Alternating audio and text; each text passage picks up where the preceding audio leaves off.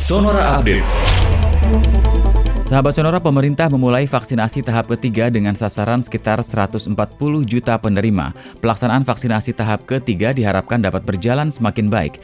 Juru bicara vaksinasi COVID-19 Kementerian Kesehatan Siti Nadia Tarmizi mengatakan, vaksinasi tahap ketiga ini akan menyasar masyarakat rentan yang berada pada wilayah zona merah, khususnya daerah dengan kasus COVID-19 tinggi, serta daerah dengan kecenderungan angka kasus yang tak kunjung turun.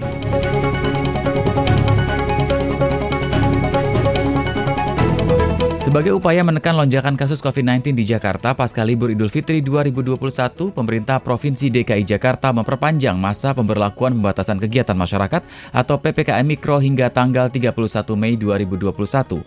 Kepala Dinas Kesehatan DKI Jakarta Widya Stuti melalui keterangan resmi menjelaskan, kasus aktif di Jakarta memang fluktuatif pada dua minggu belakangan, namun pihaknya akan tetap mewaspadai terjadinya peningkatan kasus pada dua minggu ke depan, terlebih ini merupakan periode setelah Idul Fitri.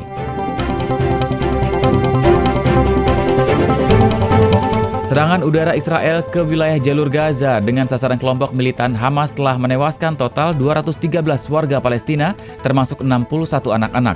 Menurut Kementerian Kesehatan di kota Gaza, lebih dari 1.400 orang terluka dalam seminggu terakhir. Korban tewas di pihak Israel juga meningkat menjadi 12 orang ketika roket yang ditembakkan Hamas ke wilayah Eshkol di Israel menewaskan dua warga negara Thailand. Sementara itu kelompok Hamas sejauh ini telah meluncurkan hampir 3.500 roket ke wilayah Israel sejak tanggal 10 Mei 2021 lalu.